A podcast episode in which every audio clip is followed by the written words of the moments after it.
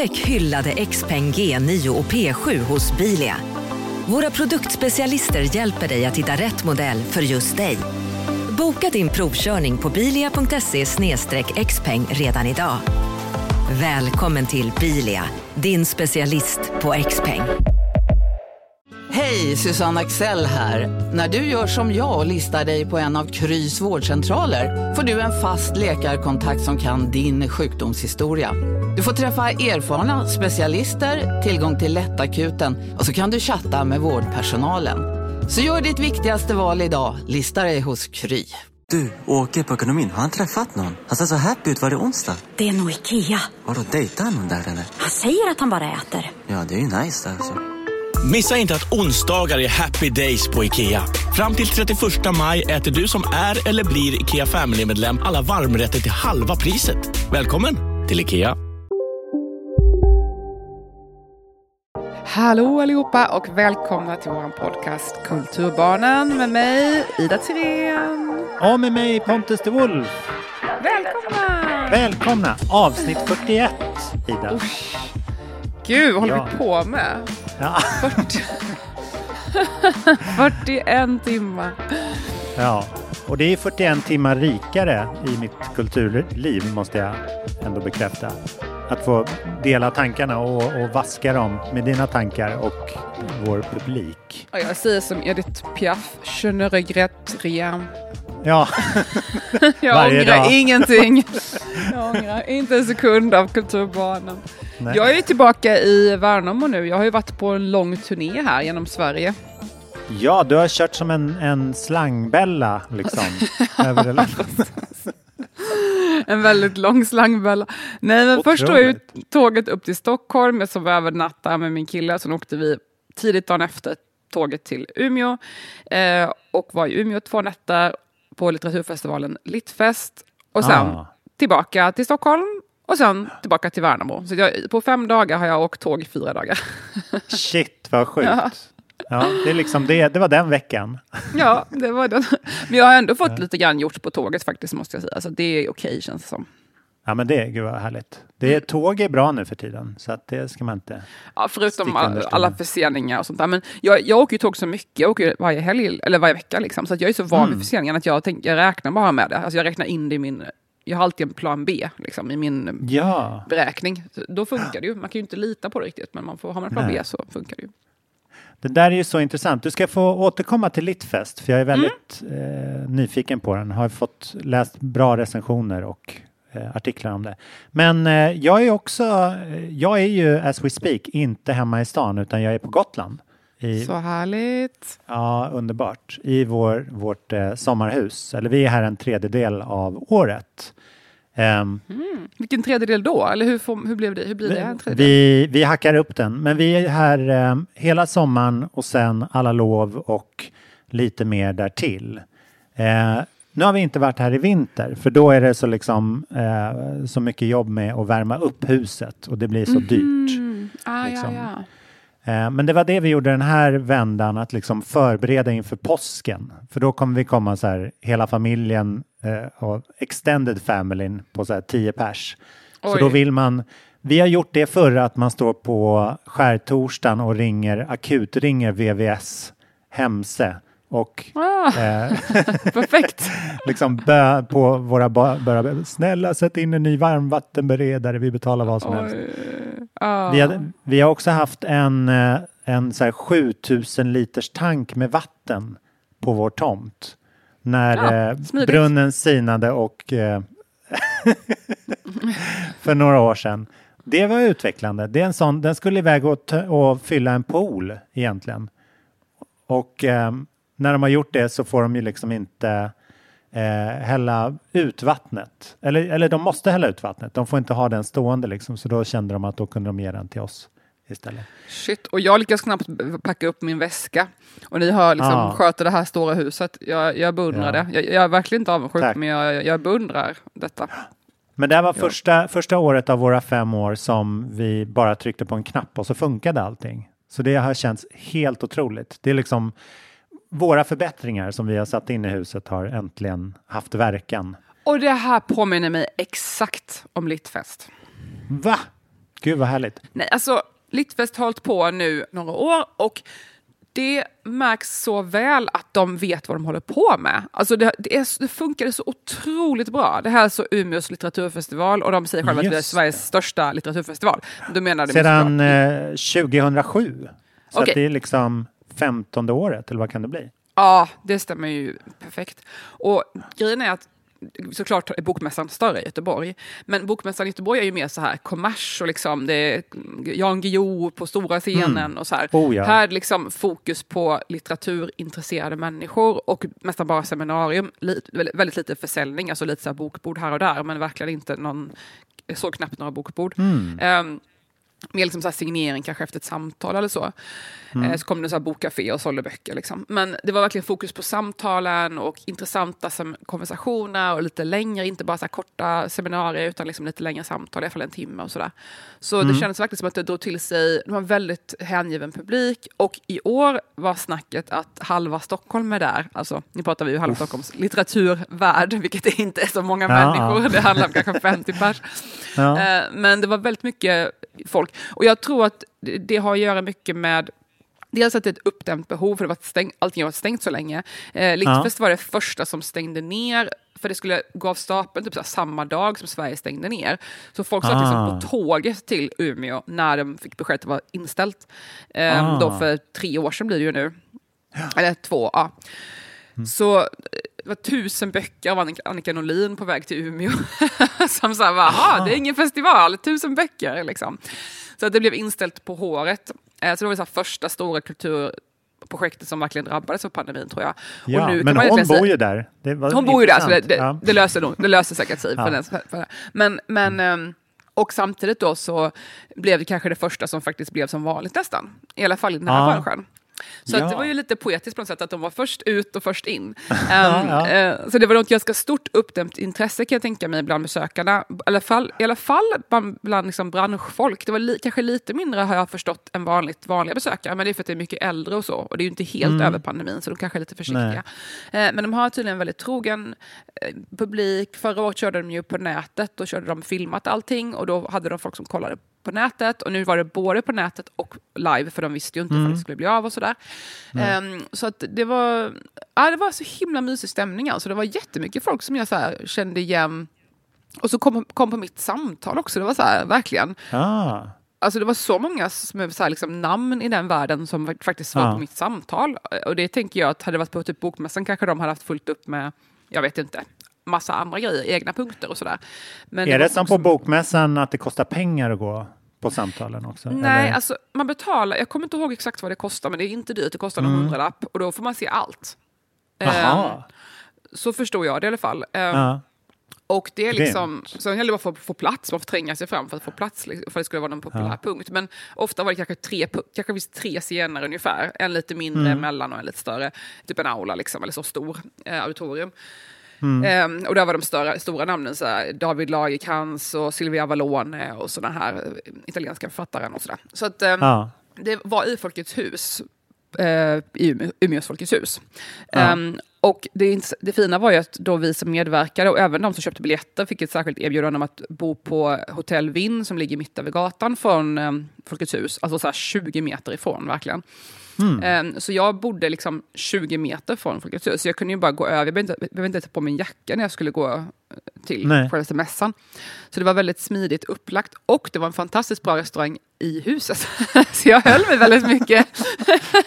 jag tog ju liksom, jag promenerade runt i Umeå lite så här, men jag, jag, väl, jag kunde hålla mig väldigt mycket där jag var. Ja. Och jag var ju där två nätter, för jag hade två programpunkter. Ja. Ehm, så, ja, det, var, det var så himla lyckat. Alltså, jag har bara positivt att säga. Och apropå det här att man har fine-tunat någonting över åren, som du beskrev med din stuga där. Precis så var det verkligen. Att jag kan tänka mig att det var, det var tusen grejer som kunde gått fel. Så jag kan tänka mig att så här, oj, det här måste ha strulat en gång i tiden, eller skulle kunna strula. Men de, det skötte sig så himla bra, alltså så sömlöst. Det var till och med, till och med videon och streamingen och inspelningar och alla samtal finns att lyssna på i, i två veckor till. Man kan fortfarande köpa en biljett och lyssna. Liksom. Så att, och allting var så proffsigt. Alltså jag, är, jag är så himla imponerad av hela projektet. Det var otroligt bra. Alltså. Gud vad härligt. De verkar ha hittat helt rätt storlek för liksom det lokala engagemanget. För det är Ja. en grej med bokmässan att det är så här, det kanske inte är en så här göteborgsk eh, angelägenhet på samma sätt längre. Jag vet inte. Men det är jag bor hela inte i Göteborg, Sverige, men det är ju hela Sverige som liksom, eh, precis blir så här landet eh, Ja. kommer dit. Det känns verkligen som att det är det- ju djupt förankrat i lokalsamhället, alltså både Umeå och Västerbotten i stort. Och folk Mm. tror jag läser mycket där och de gillar särskilt liksom lokala författare och så. Mm. Ehm, jag träffade på en annan författare som är från eh, där i krokarna. Mm. Eh, hon hade också debuterat under pandemin, precis som jag.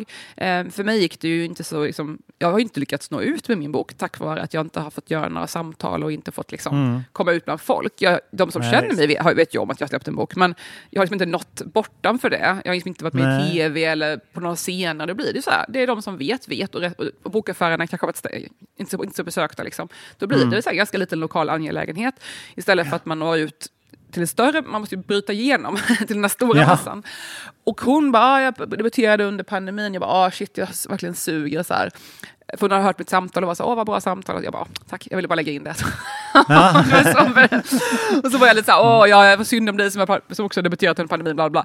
Då visade det sig att hon har sålt 24 000 ex av sin roman. Hello. Och inte ens liksom en deckare, utan så här, roman. Liksom, som är ganska, Ja. så debutroman säljer inte ofta 24 000 exemplar. Me Nej, vad hette den? Vad hette den? Eh, Bakvatten av Maria Broberg heter hon. Och hon Ja. jobbar på så kommunen ehm, i en, ja, lokal, lo- lokalt där, ute, där uppe. Och grejen var att alltså, då, då är, jag var så här, shit, har du, hur har det här gått till? Alltså no Ja. offense, men hur fan har, det, här- har du lyckats med det här? Liksom? Ehm, det, kan- jag menar ju inte så att förminska att hennes bok är Nej, nej, nej, nej. antagligen. Men jag var så här, hur lyckas man, hur bra bok man än har måste man ändå tränga igenom. Det är ju det. Alltså, så här, det året jag debuterade, den enda bok som folk pratade om var ju liksom samlade verk. Det var som att det bara fanns Ja. en bok. Ehm, och då sa hon till mig att hon debuterade ju samma år, liksom, och, fast tidigare då. Och hon menade då att det, var, det är ju lite den här vågen, så här, Karin Smirnoff, det har varit lite så här Norrlands författare om mindre städer i Norrland, att det har funnits Ja, en visst. ganska stark trend. Och då blir det som att så här, ah, men jag, kanske man tipsar, så här, ah, men jag gillade Karin Smirnoff, vad ska jag läsa nu? Ah, men kolla in Bakvatten, det är lite samma stil. Så. Ja. Att man liksom, att det blir som en, och sen plus att det finns en väldigt stark, verkar finnas en väldigt stark, stark så här, lokal eh, patriotism kanske är ett negativt ord, men liksom en lokal känsla av att man vill ha, man gillar lokala författare och lokala berättelser i, i Västerbotten och Norrbotten, att man ändå så här, eh, gillar det här lokala och folk kanske läser mer, jag vet inte, kanske är mindre stressade än folk i södra Sverige Ja. och läser mer böcker, jag vet inte. Det har verkligen varit det- en stark trend där. Alltså. ja, precis. Alltså det var väldigt intressant tycker jag. Och det var ju jättemycket lokala författare som drog jättestora publik eh, under Lit- Littlefest också. Det märktes verkligen Mm. att det finns en, intresse för det här lokala. Så att ehm, ja, det är bara att heja på alla andra platser att, ta i, ta, Ja, att ja. komma ikapp. Ja, men verkligen. Norrland har gott rykte vad gäller liksom romanbiten. ja, om inte annat så har det blivit verkligen sista åren har det verkligen varit en extremt stark trend med det där. Ja, Eh, nej men det var verkligen sådär, alla var där. Men det var jättemycket mä- människor, sådär, profiler i litteraturvärlden som var där. Och Mm. faktiskt flera som var på mitt samtal som kom efteråt och var sådär wow vilket bra samtal. Och, och liksom Ja. folk som jag inte ens förväntade mig skulle ha tid i vanliga fall att komma dit var ändå där och lyssnade. nej. Så jag är så himla nöjd. Jag känner verkligen att jag har fått mitt, eh, ett genombrott i den där världen. Känner jag Ja, gratulerar. Fan vad skönt. Ja, det Jag vet jätteskönt. hur det känns när man hittar liksom så här, ah, här fanns det syre. Liksom, Ja men exakt, jag bara, äntligen, jag satt där på den där scenen och hade så jävla ångest innan jag trodde jag skulle dö. Men sen så satt jag där, jag och Elin Mm. Kullje då, som har vunnit Augustpriset, vi pratade om våra böcker med Lena Fagertun, som är också, också lokal förankring, så hon känner ju också folk där. Mm. Eh, och Elin vann ju priset, så de drog ju både för mycket mer folk än jag, gjorde- jag gjorde säkert. Så det var ju tur för min del att, Ja. att ehm, de var med. Men Ja, ja, eh, ja. jag underhöll i alla fall när jag väl kom dit kan jag säga. Folk skrattade åt mina skämt och jag fick ju appl- spontana applåder för grejer. Och jag kände verkligen så här, fan nu kom jag till min rätt. Och jag blev Ah. så glad. Alltså man kände så här, wow, äntligen får jag liksom vara där jag ska vara och känna mig uppskattad för det Ja. jag gör. Alltså det, den där känslan är helt, gud vad jag har saknat den känslan och längtat efter den. Det är ovärdiga Ja. känslan. Man, känner- man kommer, rätt person på rätt plats, rätt publik, bam. Ja, Ah. jag är förstådd. Ja, men det är religiöst. Men du, tips, du måste, din tredje bok måste utspela sig i Värnamo, eller trakten runt omkring. Så att, eh, ja men shape up där Värnamo kommun. För att om de köper 24 000 ex av dig och delar ut till eh, liksom Ja, det, är invånare person, det lokalt. är i princip hela befolkningen i Värnamo kommun. Ja men precis, men det skulle ju liksom höja eh, status, kulturstatusen för Värnamo något oerhört. Hur dyrt kan det vara? Det är inte så jävla mycket. Det, snack två och en halv miljon. Men då, då skulle det vara liksom en, en, en, lit, en representant på litteraturtoppen för Värnamo. The State of Värnamo. Ja, vi får se vad framtiden har i sitt sköte. Mm, verkligen. äckligt uttryck ändå alltså. Varför alltid detta? Ja. Ja.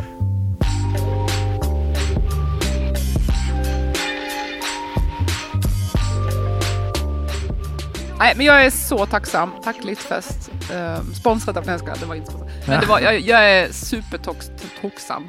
Toxam. Ja. Nej, det var väldigt bra skött alltså. Och jag har, och, Ja. Du har ju också arrangerat mycket grejer Pontus, så du vet ju det här. Jag har också arrangerat eh, Alternativa Ja. barnmässan och jag har inte arrangerat tusentals klubbar och allt möjligt. Och jag vet hur mycket som kan gå fel hela tiden. Nej, det är vidrigt. Men jag känner igen det där att de var liksom först ut efter pandemin. Dels ligger det så i tajmingen väldigt rätt nu. Men jag erfor så här att, för jag är ett bokningsbolag vi, bredvid min liksom musikverksamhet. Ehm, och det följer som en fura där i mars för två år sedan. Ehm, men det resulterade i att jag var liksom först i att ta till så här akutåtgärder och börja liksom hoppa på det här tåget med in, stödinsamlingar, crowdfunding och Kulturrådets krisbidrag och sånt där för att kunna utveckla verksamheten åt någonting annat. Medan det var liksom de som så här, nej men vår mässa är inte förrän i höst. Då har det här blåst förbi. Och så här, Tegnell pratar om att den, den höga temperaturen under sommaren kommer göra att viruset dör för det är äggvitebaserat och allt vad det var. Så, eh, nej men så att, ehm, ja. Nej men, och de, de var ju de som fick det svårt för att de höll ut och höll ut och höll ut och höll ut och liksom startade inga reservplaner. Utan så här, när hösten kom och det var, visade sig fortfarande vara kört med allt så fanns det ju inget, var- vart skulle man liksom vända sig då? Ehm, så det, var, det är orättvist, det är väldigt konstigt med så här timing och sånt där. Alltså det Eh. värsta som finns tycker jag är när man inte vet, när man svävar i limbo. Man väntar på ett flyg eller någonting. Alltså man, Ja. sitter så här, man kan inte riktigt göra någonting, för man vet inte riktigt när man måste vara på alerten. Nej. Och lite så har det ju varit för folk de sista åren.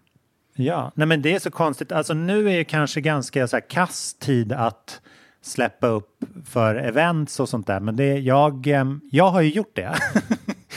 Senaste veckorna så har jag jobbat jättemycket med en jazzfestival på Södra Teatern. Där bland annat Bo Sundström och Sara Riedel ska spela en så här endagsfestival den 12, 12 juni. Plugga, plugga, plugga. Ja, nej men biljetten är ute. Det kommer bli en helt grym dag. Det är så fint för att det, det kommer vara liksom på dagen och på eftermiddagen så att ljuset strömmar in i de där lokalerna och man liksom kan ju, eh, så man kan gå på flera stycken och liksom ha en, en hejdundrande dag. Men det, det är så här, okej, men om det är dålig timing att släppa det nu, när ska jag göra det då? Jag kan inte göra det liksom under påsken och sen är det för sent. Så att så här, ska man göra grejer så måste man göra grejer. Så att det, man, man kan ju liksom inte hålla tillbaks för länge. Nu är det här liksom vidunderliga kriget fortfarande och kanske håller på jättelänge. Så att det liksom när kommer... Man vet inte när man ska anpassa sig. Bästa är att bara köra på det man kan. Ja. Vad, vad har du funderat på sista tiden nu då, Pontus? Ja, men jag har ju eh, som jag sa eh, varit på Gotland och eh, det har ju varit en så här en, en detalj i all den här nyhetsrapporteringen om att det är en så här hotspot ifall det skulle bli liksom ett storkrig. För att det ligger så liksom strategiskt viktigt i Östersjön och mycket av vårt liksom försvar är ju liksom eh, stationerat här och det har verkligen varit i hetluften. Särskilt för några veckor sedan så var det många, många liksom profiler och sådär som att vi kan inte vara på Gotland i sommar eller så här. Lite den retoriken om man säger. Men det, jag och min familj har varit lite mer att så här, man lämnar det inte i sticket nu bara för att det är lite troubled times liksom. Utan vi, vi kände att vi ville hit och liksom se på det från, från den här platsen. Och ni har ju Ehm, den där 7000 liters poolen också i värsta fall. Exakt. Det, parentes, det, det var en sån här grej när alla köpte så här vevradios och eh, filtersugrör för några veckor sedan. Kommer du ihåg det? det var så här trendade. Det var ju liksom de som var kunniga om någonting sa ju så här. Ja, men nu har du ju sagt att du har gjort det på Facebook. Då är det ju värdelöst, för då kommer ju alla vilja ta det från dig när det blir krig. Ja, bara parentes, men eh, det, vi har inget sånt. Um, nej men så den här 7 7000 liters tanken, den får du inte berätta om för någon. Nej precis, säg inte till någon. Nej, nej men ehm, det här, det, det vet ju du, eller så här, det kanske du har känt nu när du var en sväng långt bort ifrån ditt hem, att det alltid hjälper att få perspektiv på situationer, att man reser någonstans. Ja gud ja. Förlåt jag äter en Ja. ja. Delicatoboll här samtidigt. Så... Förlåt jag smaskar jag lite. skickar faktura till Göteborgskex. Inga problem. Fatser. Alla kan få en. Ehm, Mm. blir väldigt sugen på Delicato på. Du, vet, det, är faktiskt, eh, det är faktiskt den här drömkolan. Man släppte en massa nya. Den här heter Jaha. drömkola, dunderkrämig. De har släppt massa Ah, ja, ja. grejer och allting är bara en excuse att äta godis på eftermiddagen. Ja, För det är bara godis, men de har kallat det för kakor. Men ja, vi kör vidare podcasten. Ehm, nej men här är det ju, här är man ju, det, jag läste bland annat en kolumn i, ehm, om det var Gotlands Allehanda eller den andra, det jag prenumererar på båda via någon slags sajt som heter Hela Gotland. Ehm, där, där liksom det man, det man är trött på i flera generationer här är ju att eh, var de som väntar på ryssen, eller liksom som är rädda för ryssen. Det, det har jag, liksom, jag har tappat bort det för att det har inte varit kalla kriget på ett ett längre tag, men att det är så här att det har varit liksom Gotlands status lite, att man är den som är närmst Ryssland. Det är väldigt intressant. Men här är det ju också ett extremt engagemang för eh, flyktingar, vilket är både det geografiska läget att det liksom är närmast där. Folk kommer ju inte med båtar, men det de gör är att de kommer med båtar från Polen till Nynäshamn. Ehm, Oj, från shit. Gdansk. Det här är visste liksom- inte jag. Alltså flykt, aha, flyktingar från Ukraina? Ja, exakt. Eh, de kommer ju först till Polen och Warszawa och sen från Polen så kan man åka färja till Nynäshamn. Så det var väldigt eh, högtidligt när vi rullade in där för då är det alltså en ukrainsk flagga i hamnen liksom vid en Oj. vid tull, tullverket där eller vad det är. Och, ehm, så det, det känns ganska högtidligt att man liksom, det är en så här mottagarzon. Eh, och därifrån är det folk från Gotland, för det finns liksom hjälporganisationer här som är liksom ur civilsamhället men också lokala Röda Korset som, eh, som åker till Nynäshamn för att liksom eh, erbjuda sin plats och sina boenden här. Eh, och då, då åker man i Gotlandsfärjan till Nynäshamn och träffar upp flyktingar där. Så det är liksom en så här, Mm. det är närmsta vägen. Och sen så sker en massa sådana här intressanta, man, man verkligen så här, när, när politik fungerar på kom, kommunnivå, att det har varit en grej att så här, de, man kan inte söka asyl på Gotland, utan det har de varit tvungna att åka till Stockholm för att göra. Och då blir det en liksom prioritet att man säger, nej men vi ska fixa så att, så att den myndigheten får ett kontor här liksom. Så att de inte, de kan vara trygga och bo på Gotland och inte, de behöver inte fara till Stockholm liksom över dagen för att stå i någon jävla asylkö. Ehm, så allt sånt där har varit väldigt intressant att följa på nära håll och liksom höra folk snacka om det här eh, och så.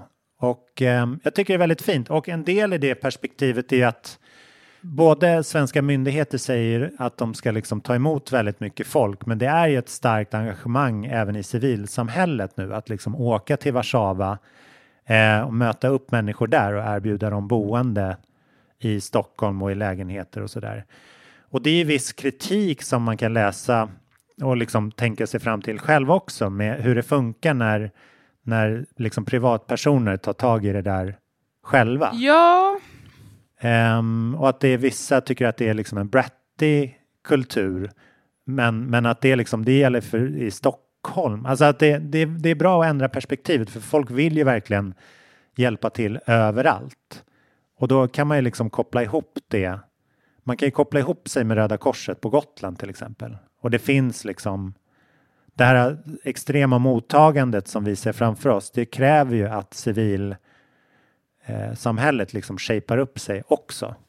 Ja, och alla Och kan ju inte liksom- bo på Gotland heller. Nej, nej, nej. Nej, verkligen. Men jag menar att här är det ju sannerligen inga brats som åker till Warszawa och Mhm, ja, du plockar menar upp så. folk. Så att, så att det är liksom, man får vara ganska cool när man, när man liksom kritiserar. Fast det är, jag fattar liksom att, eller jag tycker det är väldigt intressant hur man liksom garderar sig mot känslor på olika sätt. Många liksom vill ju vara doers och andra vill, tycker ju inte om doers för att man vill ju att det ska liksom sköta sig på en, ja, jag vet inte, men det Jag läste en bra artikel i, jag tror det var tidningen Arbetet faktiskt, och då var det Mm. En kvinna som skrev en krönika om ehm, att det är ett problem att folk åker till exempel till gränsen. Då kritiserade hon Mm. bland annat Emanuel Karlsten och även liksom här SD Kent Ekeroth eller vem det var, som hade åkt Mm. ner till gränsen. Och mycket det här liksom att, att kanske inte så bra läge att trängas på vägarna när folk faktiskt behöver förnödenheter och kom Hej, Synoptik här. Visste du att solens UV-strålar kan vara skadliga och åldra dina ögon i förtid? Kom in till oss så hjälper vi dig att hitta rätt solglasögon som skyddar dina ögon. Välkommen till Synoptik. Välkommen till Unionen. Jo, jag undrar hur många semesterdagar jag har som projektanställd och vad gör jag om jag inte får något semestertillägg? Påverkar det inkomstförsäkringen? För jag har blivit varslad, till skillnad från min kollega som ofta kör härskarteknik på möten och dessutom har högre lön trots samma tjänst. Vad gör jag nu? Okej, vi tar det från början. Jobbigt på jobbet. Som medlem i Unionen kan du alltid prata med våra rådgivare. Nej. Dåliga vibrationer är att gå utan byxor till jobbet. Bra vibrationer är när du inser att mobilen är i bröstfickan. Alla abonnemang för 20 kronor i månaden i fyra månader. Vimla! Mobiloperatören med bra vibrationer. komma därifrån. Mm. Och så kommer det en massa privatpersoner och typ ska så här, turista bland flyktingar. Nej, men just typ. det. Alltså det kanske inte är läge att så här, nu ska jag åka ner med min bil och eller så här, en lastbil med gosedjur. De bara, vi behöver Ja. antibiotika, eh, sluta tränga upp vår väg, liksom, sluta parkera överallt. Så att ja. Sånt där kan ju vara lite värt att ta i åtanke. Jag, jag, jag tycker ändå att det finns en poäng med alla organisationer som har jobbat med det här och har kunniga Mm. människor som kan det här. Lite som vi snackade om, nu blir det kanske lite konstig jämförelse, men det här med Liftfest till exempel. Alltså de Mm. vet ju hur det här funkar. Skulle jag bara, nej men jag tycker inte Liftfest är så bra, jag ska starta en egen. Mm. Det vore bättre att ha en egen festival. Och så ska jag börja Där du får "Ha, hur- all uppmärksamhet. Ida Thyrén-festivalen. Då kommer jag så här, "Aha, okej shit, det var slut på toapapper. Okej, hur löser man det? Mm. Alltså, de har redan en, en, en organisation för det där, för de har skött det här Ja. i 15 år. Så att, det är klart att det är inte en perfekt analogi. Det, fin- det är ju en situa- speciell situation nu när det är kris. Men jag menar, typ Ja. Röda Korset, det, det, det bygger ju på att de ska vara beredda när det är kris. De har ju ett Ja, ja, system verkligen. för hur saker ska gå, till, gå tillväga när det blir kris. Så det är inte som att de blir tagna på sängen att det kommer ett krig. De har koll på det och Mm. det, det är det de jobbar med, att faktiskt eh, vara förberedda och veta vad man ska, vilket steg man ska ta vid kris. Så kommer det en massa Ja. privatpersoner och tror att de plötsligt är experter på det här. Och, ja, det är ju lite komplicerat, och jag ska inte säga att det är rätt eller fel, men man ska Mm. nog vara medveten om sin egen okunskap när man inte Ja, ja, själv är absolut. specialist. Nej, men man, vi har ju liksom en, eh, det är ju en, någonting i folksjälen eller identiteten. Jag tänker till exempel på Raoul Wallenberg och Mm. vita bussarna när han eh, plockade upp eh, judiska flyktingar i Rumänien, var det va? Ungern? Förlåt? Ja, Ungern var det väl? Östeuropa, Ja. ja. Eh, nej men att det har vi ju i, alltså det har vi ju hyllat i 50 år. Liksom, Jo, det är 60 sant. år. Så Men att då det är fanns liksom- det ju inget alternativ riktigt. Nu har vi faktiskt ett system som funkar. Alltså det finns ju ett system Ja, ja. som är igång. Mm. Nej men det är liksom, eh, jag, jag tror att man, vi, vi kan liksom inte undvika i det här landet att vilja göra som han. på några, på vissa plan. Mm. Eller liksom, ja. En sak jag tycker man ändå bör ha i åtanke, alltså det är ju så komplicerat det här med, man kan ju både vara för att hjälpa flyktingar och ändå också vara medveten om att det krävs ett, en struktur som faktiskt fungerar för det. Ehm, Mm. Och båda, båda tankarna kan existera samtidigt och behöver inte Ja. ta bort varandra. Som till exempel när man ser Nej. på hur det ser ut i förskolan och skolan i Sverige. Vi har ju ett problem med överfulla förskoleklasser till exempel och för lite personal i förskolan. Eh, Och vi har också problem med, eh, ja, med skolan och sådär, att det finns för lite pengar och så vidare. Och då ska vi vara medvetna om att nu kommer vi att ha liksom jag vet inte hur många, kanske 100 000 eller 50 000 eller 10 000 eh, sko nya skolelever eller barn som behöver gå i förskola. Visst. som kanske alla behöver krisstöd, kanske behöver, kanske behöver en kurator, eh, kan inte språket, behöver lära sig ett språk, sen de, Ja. behöver de hem, hemspråksundervisning. Alltså, det, det, det räcker ju inte, det är väldigt populärt åsikt att vara så här, nu ska alla få ett hem. Alltså, det tycker jag Ja. också såklart, men jag tror också man ska vara medveten om vad behöver man efter det. Alltså, det är ju för att få en bra livskvalitet så krävs det ganska mycket för människor. Eh, och där tror jag att det är liksom lite lätt för politiker att plocka poäng och bara vi ska ta emot alla flyktingar. Och det, det kan man ju tycka, men också samtidigt veta om att det krävs en system och struktur. Ehm, Och det är inte lika populär åsikt att bara, "Aha, men vi har bara så här många platser på skolan, hur ska vi göra det på ett bra sätt? Ska vi bygga en ny skola då? Liksom? Ehm, Ja, så att, de sakerna tror jag ändå att man behöver vara lite, lite medveten och ödmjuk inför att det är lite, det är lite krångligare än man kanske vill, vill hoppas. Ehm, och det betyder Ja. inte att man inte ska hjälpa flyktingar, betyder att man kanske också Mm. måste vara medveten om det när man tar de här besluten. Och inte Ja, och det är liksom, ju... Nej, precis. Det är ju också oklart hur länge de, hur länge kriget kommer pågå, hur länge de behöver vara här så att säga. jag Kommer de liksom det flytta toppen. in for life eller liksom Ja. när går det över till integration? Exakt. Hur, hur länge väntar man tills de ska lära sig? Det är också en, en an, annorlunda resa att ta emot folk nu när det börjar bli varmare och sommar. Och man kan Mm. utnyttja liksom alla lokaler som har stängt på sommaren vanligtvis eller så här fritidsstugor eller så där. Och sen så när det blir vinter då är det mycket, mycket svårare. Då behöver man liksom lägenheter och helårs... Ja, och vi har liksom en bostadsbrist eh, i storstäderna, alltså ex Mm. en extrem bostadsbrist i Stockholm till exempel. Och folk bor för trångt och det är så många variabler att ta hänsyn till som, som jag tror Mm. kanske är så här, inte lika roliga att ta upp när man säger så här, vi ska hjälpa alla Nej. människor. och sen bara, okej, men hur ska vi göra det på ett bra sätt? Och det är väl därför Mm. det har varit så Ehm, ja, det är därför tror jag kommunerna eh, kämpar lite med det här och hur de ska lösa det här. Och det är, Ja. det är nog bra att tänka efter före. Hur ska vi göra det på ett bra sätt och ta emot folk på ett sätt som är, bra och värdigt för alla inblandade? Ja. Än att det liksom bara blir lite så här hafsigt. Så här, ska, ska Gotland ha så här 50 000 flyktingar som plötsligt Mm. ska lära sig svenska och SFI och mm, hemspråk? Mm. Och liksom, ja, det, man får nog fundera lite på det där. Sen betyder inte det att man inte kan göra det. Bara att Nej, man ska nej, göra det bra också. inte. Och man har ju, det, man kan ju dra lärdom av 2015 och den, den liksom flyktingvågen som Mm. skedde då, förmodar jag. Mm. Ja, man får se.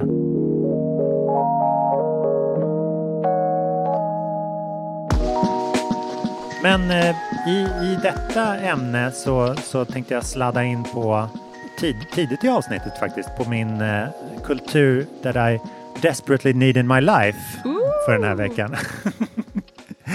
jag har läst eh, blott en recension, men en fin recension av vad som verkar vara en otrolig bok. Ehm, i, I DN för några dagar sedan så recenserade Henrik Berggren ett mastodontverk av eh, Louis Menand, eller Louis Menand kan det vara, Ja, ja, eh, som heter The Free World, Art and Thought in the Cold War. Ett, eh, ett projekt på 880 sidor som jag kommer kasta mig över när jag kommer hem till Söderbokhandeln. Perfekt längd! Du har du lite att Ja. göra fram till sommaren nu då. Precis. Och den utgår alltså från hur konsten och kulturen utvecklade sig i västvärlden under kalla kriget. Alltså efter 1946 fram till 1990-ish. Vet du vad? Det där, den där kommer jag också vilja läsa för det passar min nästa bok. Fast det, det, det är först nästa år. Så jag behöver inte Ja, men läsa den skoja nu. inte, Jag- alla som lyssnar på den här podden kommer läsa den här boken. Det är en perfekt bok. ja, nej men det, det, det grundar sig i att man liksom man såg ju vart åt, åt det liksom barkade med Sovjetunionen och Stalin och att det liksom var ett, ett började bli ett mer och mer stängt samhälle efter andra världskriget. Och det var så man gick in i liksom kalla kriget med att vår grej här i västvärlden, det kommer vara frihet. För att när de är stängda, då, är liksom, då blir friheten vår USP. Det blir liksom Ah, vårt, okej. vårt motstånd mot dem. Så att det har liksom varit en så här politisk strategi, liksom, eller en så här c- civilisations, ett grepp för vår sida av civilisationen. liksom i efterkrigstiden att kulturen ska vara fri. Och bara det är ju en väldigt så här, intressant och kittlande startpunkt för att den friheten ser man ju i, i eh, politiken från den tiden och liksom historiebeskrivning men den, den existerade ju också väldigt medvetet i kulturen. Um, så det, det var liksom inte en slump att det, att det uppkom en massa coola band på 60-talet och en massa beatnikförfattare på 50-talet och liksom den här free thinking spiriten som har varit tongivande för andra halvan av eh, 1900-talet utan att den var liksom enligt den här boken en, ett resultat utav eh, konstskolor som man ploppade upp och liksom mer pengar till sådana institutioner och att folk liksom började så här, se det som det viktiga med konst. Att konst i sig, att det i sig är en viktig grej att konsten är fri. Liksom. Och vad kan vi göra? Hur tolkar vi det? Och vad kan vi göra med konsten när den är fri? Vilka är liksom the boundaries och var ska vi pusha den så att den liksom tar de rätta riktningarna? Och det har ju varit liksom någonting otroligt kärnfullt. Men man, jag har liksom aldrig tänkt på den som ett så här medvetet val. Typ. Gud, alltså någon historiker, om det är någon stackare där ute som någonsin kommer intressera sig för mitt författarskap, kommer sitta och lyssna på den här podcasten i framtiden och bara, ja. aha, det var då Ida fick idén till... För min nästa mm. bok kommer handla om ska, lite de här temana, men det här är en ny twist på det som jag redan har tänkt, så det här är jätteintressant för mig. Det här kommer, ja, kommer förhöja ännu mer de tankarna jag redan har gått runt och funderat ja. på. Så det blir spännande, men det här är en bok som kommer komma vad 24 eller 25, så att, uh, det är ju på andra sidan jorden. Mm. Ja, verkligen. Men och sen så verkar den gå in i olika skolor med att så här, Ja, men vi kör fri konst genom att vi utvecklar den hela tiden. Alltså poängen i, i under 1900-talet har varit att man så här, att konsten förnyar sig hela tiden. Att det i sig är ett uttryck. Att man inte ska upprepa och liksom ta till de gamla greppen. Och det är väldigt signifikant från till exempel 60-talet och framåt. Mm. Eh, men sen så fanns det de som gick liksom ännu längre Um, och, och, tyckte att så här, ja, men språket i sig och begreppet konst är i sig en begränsning.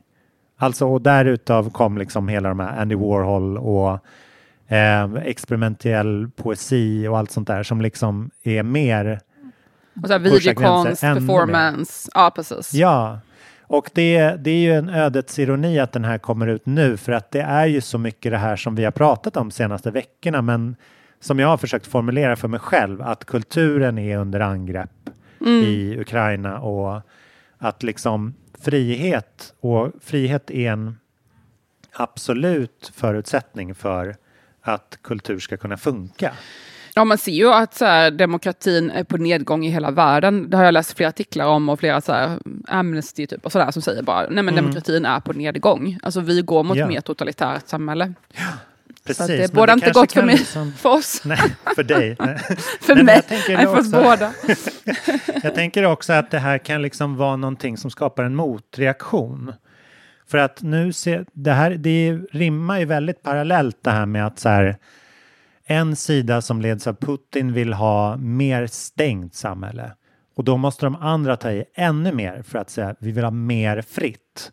Och då kanske liksom då väljer man den typen av ledare. Man liksom pushar för mer, mer fri konst och kultur mm. och mer demokrati bara för att liksom skapa en motvikt.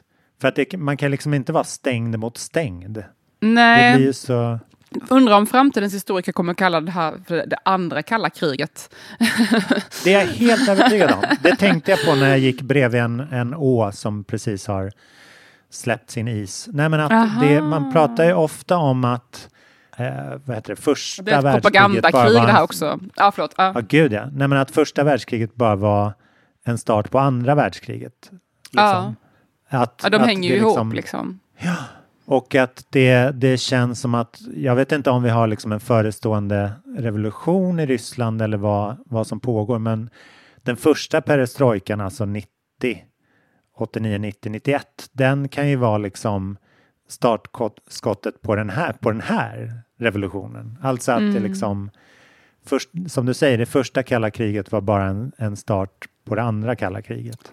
Men tyvärr så är det ju väldigt många i Ryssland som vill ha förändring och som vill förändra, som har stuckit. Mm. Och just fler som sticker, desto större chans är det ju att det ska hända. Så att vi får väl se, det kanske fanns lite mer rörlighet. För inför perestrojkorna, eller man ska säga, i, i Sovjet, då var det ju ändå Alltså när Sovjet började luckras upp, då var det fortfarande väldigt slutet, så man kunde inte sticka därifrån.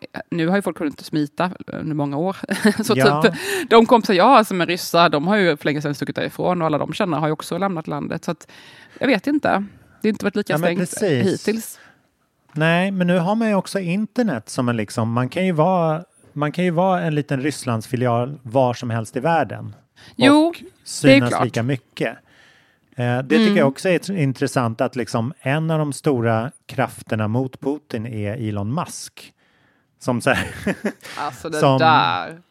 ja, vi pratade om Starlink, alltså hans internet Ja, from precis. space, bara några veckor tidigare och eh, han har ju skickat dit mottagare i Ukraina och det är väl inte långt bort till att så här, ja, ja, ni kan väl stänga internet hur mycket ni vill, men här är internet ändå, liksom. För nu kommer det from space. Nej, men att det, han, det, det är inte längre de här dinosaurierna som är eh, som, som står för nationalstater som, som liksom stångas parallellt, utan de har också den här andra vertikalen som är liksom Zuckerberg och Elon Musk och Bill Gates som kommer med den här andra kraften av öppenhet som, som liksom innebär, du vet Facebook är ju banned i, i Ryssland nu för att det anses vara en liksom extremiströrelse. Ehm, Nazism. Ja, Ja, så- precis. Zuckerberg, det hör man ju. ja, precis. Ehm, nej men eh, det, allt har ju sin egen logik. Men jag menar det är ju ett, eh, kan man kalla det en frustration för liksom världens ledare att de har ju inte bara andra länder, konkreta länder att tampas mot längre. Utan de har ju motståndare i liksom den digitala sfären också. Oh, Okej, ja, det här är för, för tungt. Nu byter jag samtalsämne. Tack för det. Eh, Tack för, till, eh, det. Tack för ordet. till lite culture I desperately need in my life. Ja, tell me. Eh, då är jag väldigt nyfiken på filosofen Jonna Bornemark som har skrivit en bok som heter Jag är himmel och hav. Som är en Ah. filosofisk undersökning av graviditet, liv och jagets gränser. Enligt då undertiteln. Och Ja, jag är ju väldigt spännande. intresserad av eh, de här frågorna. Vad är människa? Och fan, jag vet inte om hur mycket det här går in på det, men till exempel det här med, det var ju väldigt mycket eh, problem då med surrogat, surrogatmödraskapsbarn eh, i till exempel Ukraina under det här. Så var det så synd, massa familjer, det var så himla synd om att deras barn eh, var fast i Ukraina då. Och jag personligen är väldigt skeptisk till det här. Jag tycker att eh, det är ett sätt att exploatera fattiga kvinnors kroppar. Och de här barnen har ju då inte rätt till vare sig sina mammor eller till sina då, adoptivföräldrar, eller vad man ska säga. Nej, nej, nej. Så att de blir fast. Och jag såg en video när de här, typ så här, 100 bebisar ligger och skrek, alltså i kör. För det var ju ingen som kunde göra någonting. Det fanns ju ingen, en sjuksköterska står där med typ 100 bebisar, vad fan ska hon göra? Bara skrikande barn som bara ligger där. Alltså jag mådde så dåligt. Och jag tycker att ja, det finns så mycket om det här med surrogatmödraskap som jag är väldigt, väldigt, väldigt skeptisk till. Och jag misstänker att hon kommer gå in på det här i boken också. Och jag tycker det är intressant, de här frågorna som berör liksom, var går gränsen mellan våra kroppar? Alltså om jag har ett barn i mig, det är ju som att, det är så konstigt tänk, tanke att det här bara är som en separat ting. Som att jag då har typ en pacemaker eller någonting, alltså ett objekt. Ja. Det är ju faktiskt jag också. Ja. Ehm, och jag tycker att det finns så mycket att prata om här som jag tror vi kommer behöva utforska mer och mer. För det är ju så svårgreppbara frågor och det är så existentiell fråga. Alltså, vad, Ja. var går gränsen mellan jag och mitt barn? Och eh, kan man verkligen se på kvinnor på det här sättet som vi gör nu, som att de bara är liksom eh, bärare? Eller som någon slags... ehm, eh, jag vet inte. Så där, där skulle jag vilja läsa lite mer. Um, sen är jag också väldigt nyfiken på Carolina Ramqvists nya bok Bröd och mjölk, som jag precis har, har börjat läsa lite i. Och jag ska på releasefest för den på fredag också. Eh, Den har ju fått väldigt Häftigt. fina recensioner, eller i alla fall, i alla fall flera fina recensioner. Eh, och den handlar Ja. om mat och även om ätstörningar. Trigger warning. Oj, det var, var lite för sent där kanske. Men, ja, ehm, och jag, ehm, jag är, folk tror ju ibland att jag har ätstörningar för att jag är väldigt smal, men jag är ju bara väldigt smal helt enkelt. Så jag får väl se. jag får väl Deal se. Jag bara, ja. Ehm, så vi får väl se vad jag tycker om den här boken. Det ska bli väldigt kul att läsa. Jag är ett stort fan av henne. Jag tycker väldigt mycket. På, på något sätt har jag lyckats missa hennes förra bok som anses vara hennes bästa, Björnkvinnan. Jag blir, jag blir så arg på mig själv. Varför, varför, den kom 2019. Jag tror, då, då var jag i USA, så att jag tror att, eller bodde jag i USA, så jag, jag tror inte att jag alls liksom jag tror bara det Nej. flög under radarn för mig. Det anses vara hennes starkaste bok, tror jag, hittills av många. Jag har ju läst både More Fire, hennes första bok som kom 2002, och jag har läst Flickvännen och Vita staden, och de hänger ju ihop med varandra kan man säga. Eh, och Det är Natten har jag också läst, som kom 2016, det är, det är en bok om skrivande, och jag, jag till och med intervjuade henne om den. Eh, jag kommer inte ihåg för jag skrev en artikel också, intervju, eller ifall det bara var på scen jag intervjuade henne, men så vi har ju träffats då. Så, där, så att jag, och nu kom då Bröd och mjölk, som är lite mer, verkar vara lite mer självbiografisk, essäartad. Så Ja. att jag ser fram emot att läsa den här och även läsa Björnkvinnan som jag har lyckats missa. Så att jag ska ge mig på Ah, den. Mm. vad spännande. Det var, jag hörde en väldigt bra intervju eh, av Caroline Ferrada-Noli som, eh, med, med Carolina Ja! Ramqvist som för hennes nya podd eh, för Aftonbladet Kultur. Ferrada-Nolis alltså. Mm. Ja. Eh, det var ett härligt författarsamtal som gjorde mig väldigt peppad på det där. Och sen har jag ju har jag börjat läsa lite grann i Silvia Avalones nya bok som kom också då i samband med eh, Littfest. Mm. Men den är också lite, stö- den är också lite modell större. Så jag tror att jag ska Mm. läsa Ramqvist först innan jag läser klart Silvia Avalone. Så, och det, men jag såg faktiskt en fil- en film från hennes samtal var precis innan mitt. Hennes var klockan ett och mitt var klockan två. Ehm, Mm. Så att det var, jag kunde inte se det. Men alltså kön efter hennes samtal fick jag se en video och det var liksom sådär 100 meter eller någonting. Alltså för att få signerad Hello. bok. Ja. Så det kanske var de 24 000 exen. Det är så, det är så man säljer dem. Nej, men, Annika ehm, Norlin bara, kan du ta min bok istället? Hon har nog sålt slut. Men jag Ja. undrar liksom, hur, hur känns det i handen? För jag, jag ska säga så här, jag hade också en liten kö med min bok Mm, efter mitt samtal. Men när jag säger liten kö, då menar jag kanske sådär 30 böcker, låt som jag signerade. Det var ju inte så här 300 eller kanske 3000 som hon verkade ha. Um, och man blir lite trött liksom, efter man har stått där en stund, eh, en halvtimme Ja. och signerat. Liksom. Då undrar man ju, om hon nu står där typ, vad, vadå, två timmar, eller hur länge ska hon stå där? Det måste ju vara helt sjukt. Jag har så dåligt samvete. Jag, jag managerar ju en liten pianotrio som heter Leo Lindberg Trio. Och de sätter jag alltid att så här, här signera 100 ex så kan vi sälja dem på Bandcamp. Liksom. Och då kan inte de spela på två dygn sen. För att Är det så? här Kapraltunnelsyndrom. Nej, men det, de, de blir glada sen. Men eh, det är ett väldigt intressant fenomen.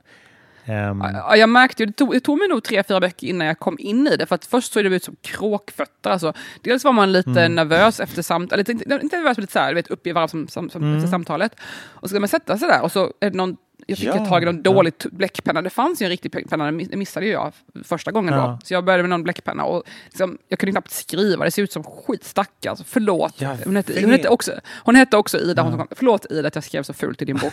Alltså, men sen framåt så här, två, tre boken, Mm. då kände jag nej men nu börjar jag få in snurren här. Och så framåt fyra, fem, nej men nu, nu kör vi. Så att mitt Ah. tips är, om du vill få en bok signerad, ställ inte först i kön. Ställ dig typ nummer tre, fyra. Mm, ja, men just det. Då har du fortfarande upp, full uppmärksamhet från författaren och de är peppade och har energi, men de skriver inte som krattor. Nej. Mm. Gud vad, vad spännande. The psychology of uh, signing, of book signing.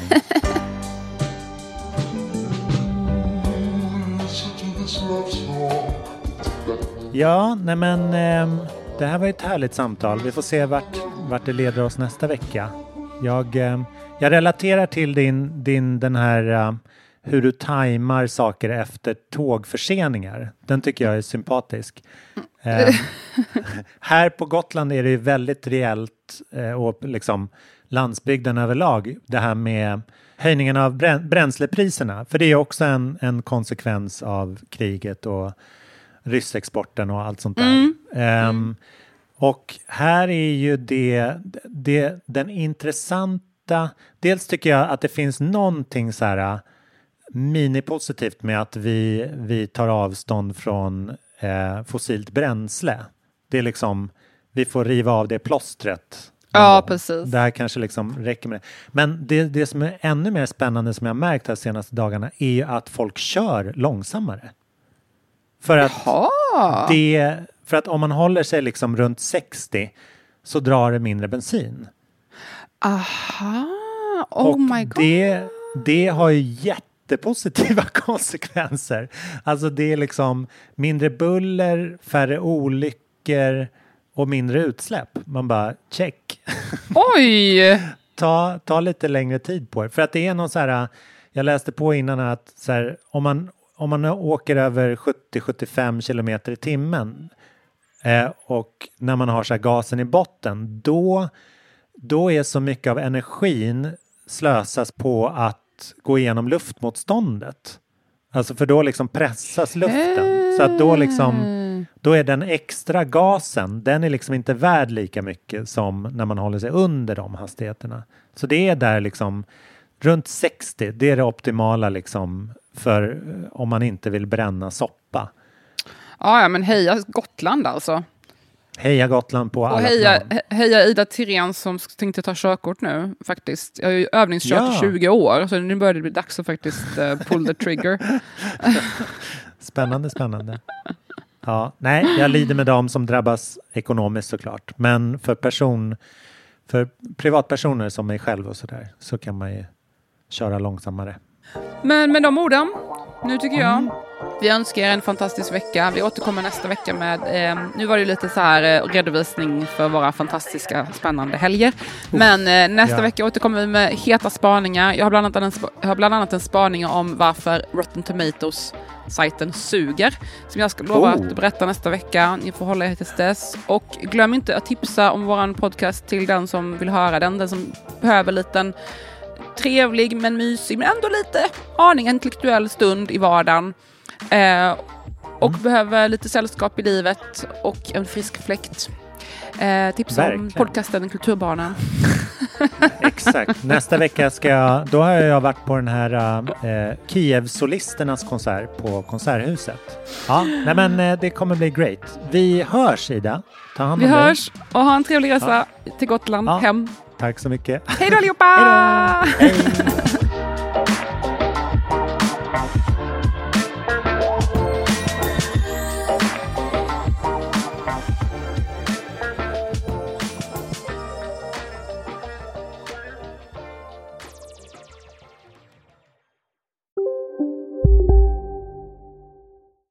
Ni är med om det största. Och det största är den minsta. Ni minns de första ögonblicken. Och den där blicken gör er starkare. Så starka att ni är ömtåliga. Men hittar trygghet i Sveriges populäraste barnförsäkring. Trygg Hansa. Trygghet för livet. Ja, Hallå? Pizzeria Grandiosa? Jag vill ha en Grandiosa capriciosa och en pepperoni. haha, något mer? Med kaffefilter. Ja, Okej, ses samma. Grandiosa, hela Sveriges hempizza. Den med mycket på. Psst! Känner du igen en riktigt smart deal när du hör den? Fyra säckar plantjord för 100 kronor. Byggmax. Var smart. Handla billigt.